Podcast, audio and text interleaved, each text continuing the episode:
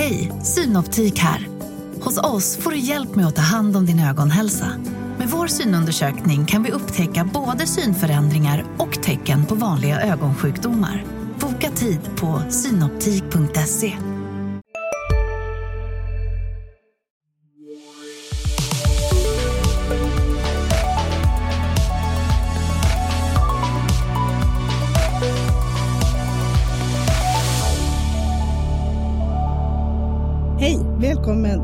Analyspodden, Dagens Industris podd om börs och aktier. Idag är det jag, Agneta Jönsson, Julia Forsberg och Torbjörn Isaksson bakom mikrofonerna. Vad tycker du vi ska prata om idag, Julia? Men jag tycker vi ska prata om eh, Alectas affärer som Torbjörn har granskat och eh, sen också hur det går för H&M som kommer försäljningssiffror idag och eh, nischbankerna som du har skrivit om. Det tycker jag låter som en bra plan. Sen ska vi ju naturligtvis komma med några aktiecase också. Men vi kan ju börja med att tala om att det är fredag den 15 september. Klockan är kvart över tio, så vet ni vad vi vet.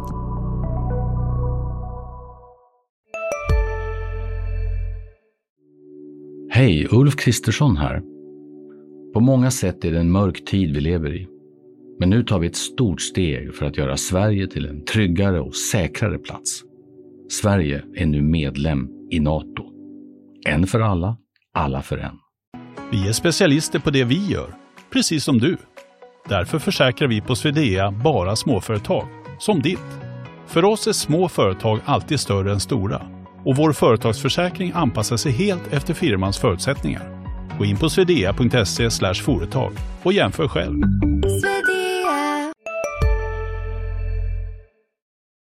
Börsen är lite sidledes denna veckan och ligger ungefär, om vi tittar på OMXS30-index, så ligger det ungefär på samma nivå som för sex månader, så lite avvaktande alltså. En grej som var viktig denna veckan, det var ju att ECB kom med räntebesked igår eh, och där stod det och vägde om de skulle höja eller inte. Nu blev det en höjning till rekordhöga 4% för inlåningsräntan. Men man säger samtidigt då att baserat på nuvarande bedömning har räntan nått en nivå som om den hålls tillräckligt länge kommer att bidra till att få ner inflationen till målet i rätt tid. Och det är ju lovande och man kan ju tolka det som att det är färdigt för denna gången. Sannolikt följer då Riksbanken efter i nästa vecka och höjer räntan med en kvarts procent. Idag ligger Riksbanken på 3,75. Men jag tycker vi nöjer oss med det vad det gäller marknaden för ögonblicket. Och Torbjörn, vi går över till det här med Alecta som du har fortsatt att granska nu. Hur kommer det sig att du börjar titta på det här? Vi, vi började titta på det här i, i mars eh, i någon mening genom att då kunde vi avslöja att eh, Alecta hade sålt sina aktier i svenska storbanker, i några svenska storbankerna som hade haft väldigt länge och sen hade de investerat i, i några amerikanska nischbanker istället. Och det visade sig att det gick väldigt dåligt, framkom ju kort tid därefter, så att de förlorade 20 miljarder på de här eh, amerikanska NIF-bankerna. Och då började vi titta lite närmare på Alecta och hur det ser ut runt omkring det här. Och då visade det sig att det var ju inte bara de här amerikanska investeringarna som hade hög risk i Alecta, utan de hade ju även investerat väldigt mycket på fastighetssidan i ett eget bestånd som skulle växa snabbt samt i hemstaden Bostad där de har stoppat in runt 50 miljarder kronor. Det är betydligt mer än det var i de där eh, nischbankerna. Ja, där var det 20 miljarder. Och sen så är det ju så att Hemstaden Bostad har ju fått accelererande problem här under året. Precis som många andra fastighetsbolag. När, den, den sektorn har ju stora problem. Så att det kommer att behövas ytterligare kapital. Så att de kommer, det kommer att bli mer än de här 50 miljarderna för Alectas del. Sen eh, om du tittar på det här med Heimstaden Bostad, ni skrev ju mycket om just den här affären. Vad är det som är speciellt med den? Hemstaden Bostad, det, de har ju vuxit snabbare än någon annan. Bolaget är mycket större än SBB som det har varit väldigt mycket uppmärksamhet kring. Och de har mera lån och de är mycket större på obligationsmarknaden än SBB. Så det är ett företag eh, som var väldigt litet när de, när de började det här samarbetet för för tio år sedan så var det 3 miljarder det handlar om, nu är det 350 miljarder. Och eh, hela den här expansionen har skett i, med, med, grund ett samarbetsavtal mellan Alecta och en norsk eh, finansäventyrare som heter Ivar Tollefsen. Ehm, där då han har ju inte längre pengar för att finansiera bolaget och då är frågan hur Alecta kommer att ställa sig till detta framöver. Är inte risken stor att de måste gå in med pengar då för att skydda sin nuvarande investering? Ja, någon måste ju skjuta in pengar. De kommer ju behöva sälja tillgångar, det säger de själva, och det kommer att behöva skjutas in nya pengar och eh, Eva Tollefsen har inte de pengarna. Utan det har Alecta, men eh, nu har ju Alecta eh, sedan 1 september en ny vd, Peder Haslev, och eh, han inledde med att säga att ja, om vi stoppar in pengar där eller inte, det beror ju helt enkelt på, på villkoren. Och, och då är det väldigt komplext med det här avtalet som vi har avslöjat. Eh, som är oerhört svårt att omförhandla. Men det ger ju Ivar Tollefsen makten genom att även om han äger kanske 10 procent av aktierna så har han röstmajoritet och han har majoritet i styrelsen. Så att eh, han, han har ju haft hela kontrollen och eh, Alecta har stoppat in pengarna. Och tanken är väl då från norskt håll att det ska fortsätta så. Men då måste ju Hassler kanske försöka ändra på det. Men eh, vad säger myndigheter som Finansinspektionen och sådana? Har de tittat på de här affärerna? Ja, alltså Alecta har ju själva då visat sig eh, gjort eh, granskningar av det här som visar att det kan finnas oegentligheter. De har fortsatt göra granskningar och sen har ju Finansinspektionen fått upp ögonen för det här så de har ju två pågående granskningar varav en är ny för, för att se vad som har hänt. Så att Alltså det här är ett sånt fall där det hela tiden, den är i rörelse den här bollen. Det händer hela tiden nya saker kring Alecta och vi gör ju då nya avslöjanden, har vi gjort ganska många här under, eh, och det, det har ökat i takt. Vad tror du framöver här? Tror du det kommer dyka upp mer grejer om det här med, med om Alecta? Ja, det är jag helt övertygad om för att det, det här är en sån stor snöboll som är i rullning nu och det kommer komma mycket mer här. Då ser vi fram emot att få läsa om det i framöver helt enkelt. Men jag tycker vi går över till det här med konsumtionen. H&M har ju kommit med försäljningssiffror här på morgonen. Julia, hur går det för dem egentligen? Ja men precis, så det var ju försäljningen för tredje kvartalet och den får man ju säga var en besvikelse. Den var ju oförändrad i lokala valutor mot väntade 5 och då ska man också ha med sig att eh, konkurrenter till H&M har gått ganska starkt under eh, sommaren så att det ser ut som att marknaden har ändå varit ganska bra. Eh, så med det och också tanke på att H&M började kvartalet väldigt starkt så är det en besvikelse och det har troligtvis varit ganska svagt i både juli och augusti. Om man ska lyfta fram något positivt så är det väl att man pekar på det här med att man rör sig i rätt riktning mot marginalmålet. Som är att man ska ha en rörelsemarginal på 10 procent redan nästa år. Då.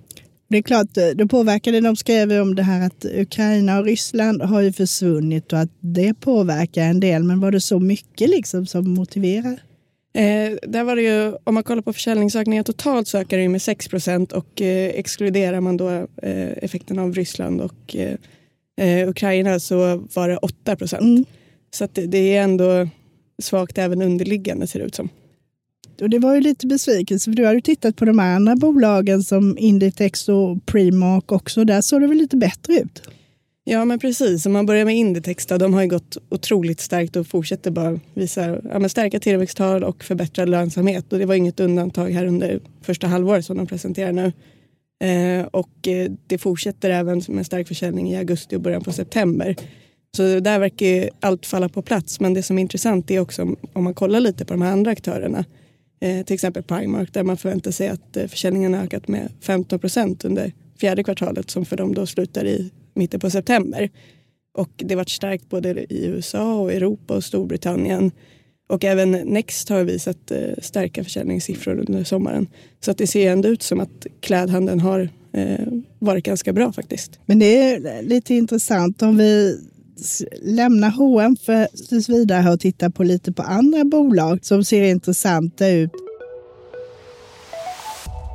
På den svenska marknaden, bland annat har både du och jag tittat på Lyko som eh, säljer smink, framförallt på nätet, även om man har en del fysisk handel.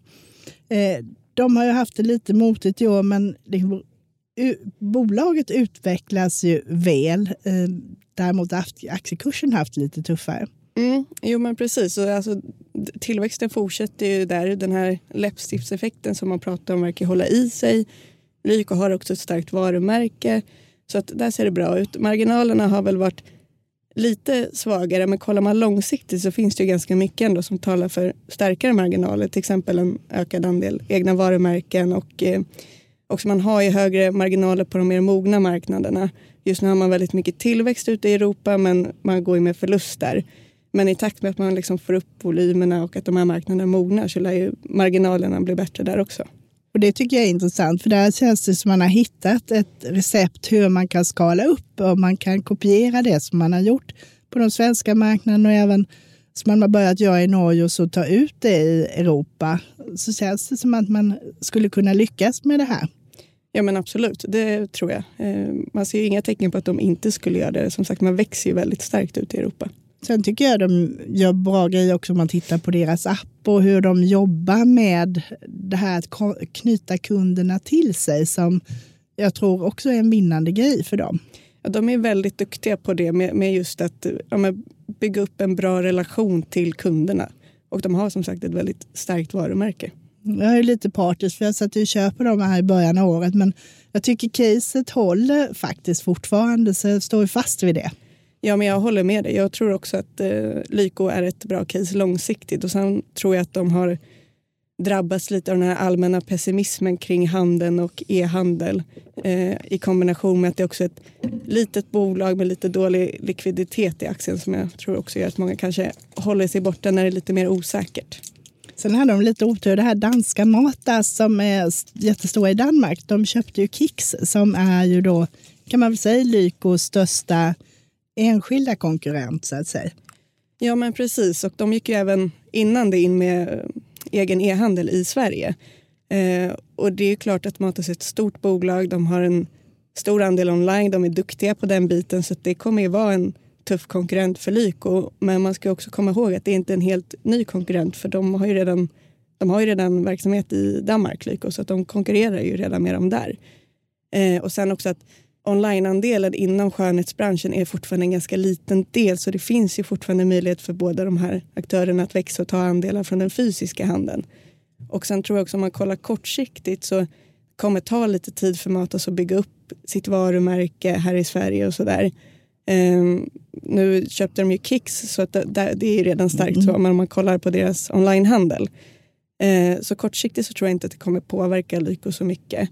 Eh, kollar man lite längre så är det klart att det kommer vara en tuff konkurrent. Men ja, som vi sa innan, Lyko är ändå så pass bra med det här med att jobba med lojalitet med kunderna och bygga upp sitt varumärke. Så jag tror inte att det kommer ställa till det allt för mycket.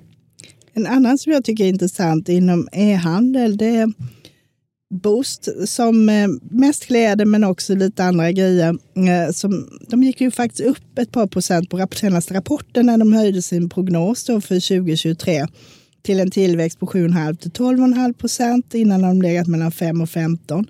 Och i fjol så hade de en försäljningsökning på 16 procent.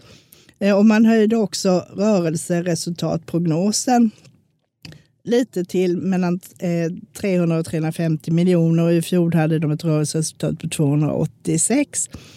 Men bostadsaktien är ner 20 procent i år medan H&M är eh, upp kraftigt här. Det känns som det är lite skilda världar i det här. Eh, ja, det får man ju absolut säga. Boost har ju också visat en bättre tillväxt än vad H&M har gjort.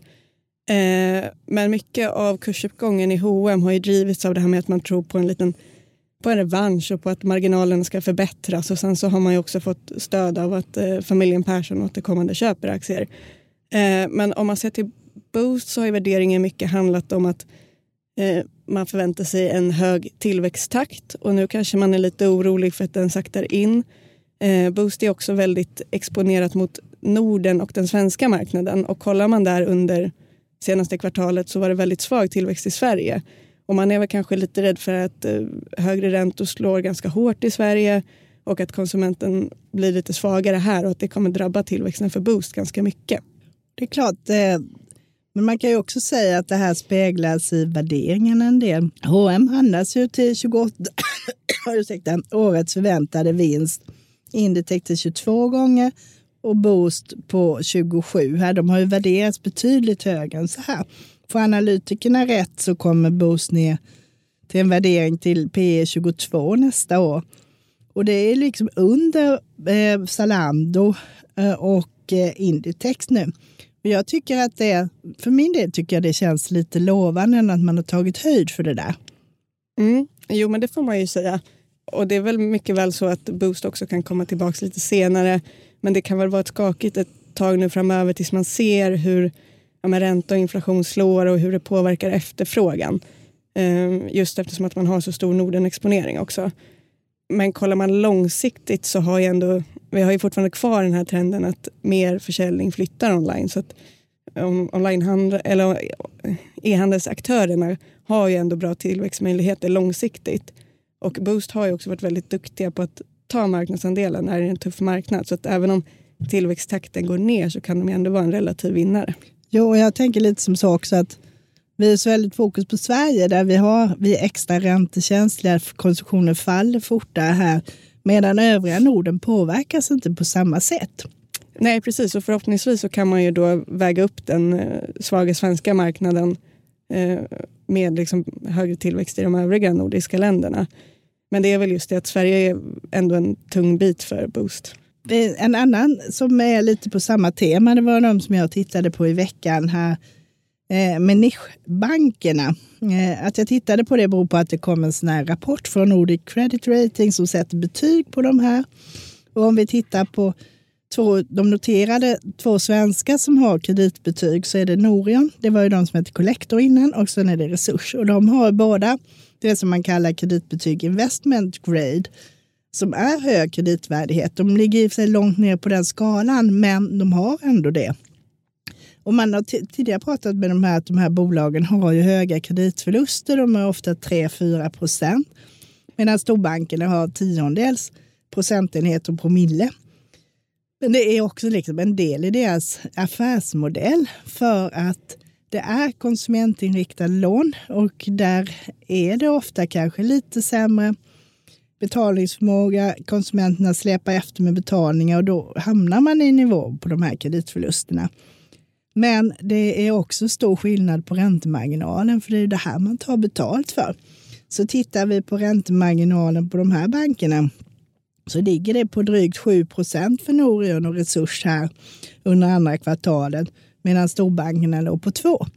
Så att det ligger liksom inprisat i det här. Så att ökar inte kreditförlusterna speciellt, det vill säga att folk inte blir av med jobben eller på det sättet inte kan betala, så ligger det här i värderingarna.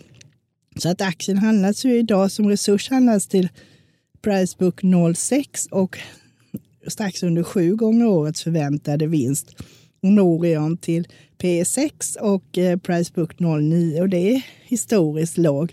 Vi satte ju köp på resurs här i juli och den har gått upp kraftigt sedan dess. Men jag tror ändå att det är fortfarande låg värdering så blir det inte så illa för konsumenterna och räntorna börjar toppa ur och det här så behöver det inte vara så farligt faktiskt. Nej, och du skrev ju också där om att eh, normalt så brukar banker gynnas av en högre ränta men att det inte riktigt eh, stämmer för nischbankerna. Varför är det så? Det är så för att de eh, har eh, finansierats till största delen genom inlåning, det vill säga privatpersoner som sätter in pengar och får ränta på det. Och där, nu har ju räntorna stigit kraftigt, men konkurrensen om den här inlåningen ökar ju också väldigt mycket. Även storbankerna vill ju ha inlåning för kunder, för det är billigare att finansiera sig så än att låna på obligationsmarknaden. Så stiger räntorna mer så blir deras finansiering dyrare och det blir hårdare konkurrens på det här området. Och stiger, mer, stiger räntorna mycket så ökar ju också risken för kreditförluster. Så att det är liksom så balans nu, lagom är bäst på det här, att det ska hålla sig ungefär runt de här nivåerna. Mm. Mm. Men har man prisat in för mycket elände i nischbankerna tror du? Jag tror man har gjort det lite för att dels så vet man inte riktigt som Norion som har en stor andel mot fast, krediter mot fastighetsmarknaden, de har ju inte haft det här eh, när de har varit noterade förut. Så vi vet liksom inte riktigt hur de lyckas med den här affärsmodellen och då vill man ju ha lite rabatt på det. Men visar det sig att de faktiskt har bra kreditvärdiga kunder och kommer igenom på de här nivåerna det är nu så är ju också de billiga så att säga. Mm.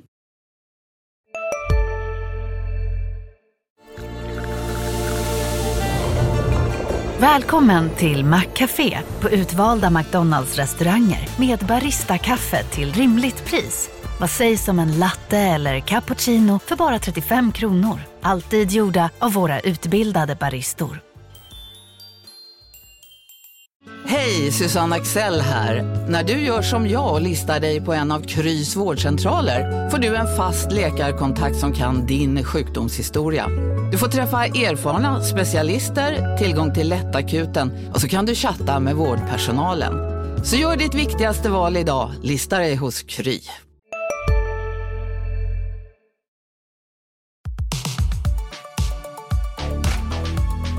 Och du har ju också skrivit om Intrum här i veckan. Jag gjorde det för de hade kapitalmarknadsdag här nu i onsdags eh, där de då lanserar en ny strategi. Grunden i den är att de har för mycket skulder idag. De har en, då en skuldsättningsgrad eh, på 4,6 eh, gånger nettoskulden gånger det kassaflödesbaserade rörelseresultatet ebitda. Och nu ska man ner till 3,5 i slutet av 2025. Problemet är att man har sagt att man skulle ner till 3,5 redan 2022 men inte lyckas. Så att marknaden har varit lite skeptisk. Kommer man att klara det här? Eh, och eh, gör man det inte så är det ju en tung skuldbörda att dra runt på. Efterhand som obligationer förfaller så blir det ju dyrare att ge ut nya. Och det inser de ju också själva så att det måste ner på det här. Och det gör att i den nya planen så ska de stärka den delen som handlar om kredithantering, det vill säga man inkasserar förfallna skulder för andras räkning och tar betalt på det. Och den verksamheten vill jag växa med 10 procent per år och få en rörelsemarginal på över 25 procent. Man har varit där periodvis under några år, men inte liksom hållit sig stadigt över den här ribban. Man har då en rad åtgärder för hur man ska göra det här och samtidigt då ska man låta allt tillgängligt kassaflöde man får in gå in till att betala skulder. Och det gör man att då kommer man också minska den här delen som jobbar med portföljinvesteringar, det vill säga att de köper portföljen med avskrivna fordringar och driver in för egen räkning. Så den delen ska bantas ner från runt 40 miljarder nu till 30 miljarder 2026. Och sen håller man på att sälja av en del mindre verksamheter och sådär. Så att går allt som tänkt så kommer man att kunna komma tillbaka och ge utdelning igen 2025. Och eh, det är bolagets förhoppning är att man kanske genom att minska risken gör också att eh, aktiekursen kan lyfta lite eftersom bolaget blir mindre riskabelt. Då. Nu fick de en positiv reaktion dagen efter här när den steg kraftigt. Men jag tror ändå att det här tar lång tid så man ska inte vänta sig några storverk utan man vill faktiskt se nu att det här att man faktiskt levererar som man har sagt denna gången. För har man väl tappat förtroendet så tar det en stund att bygga upp det igen helt enkelt. Jo men så är det ju verkligen. Men eh, tycker du att de här målen som de har satt upp, är de rimliga?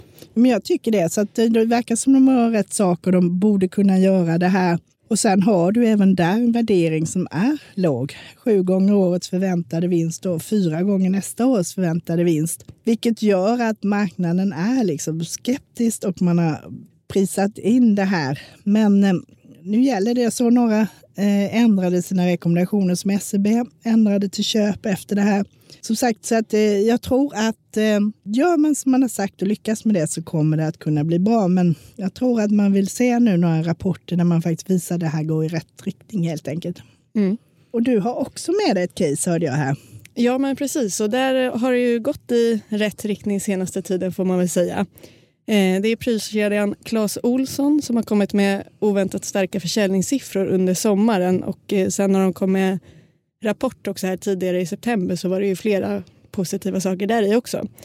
Eh, och om man börjar titta på lönsamheten så kunde man se redan mot slutet av förra räkenskapsåret, de har ju brutet räkenskapsår så det här senaste kvartalet var första kvartalet. Då. Men kollar man mot slutet av förra året så kunde man redan där se att den här negativa marginaltrenden som man har haft började brytas.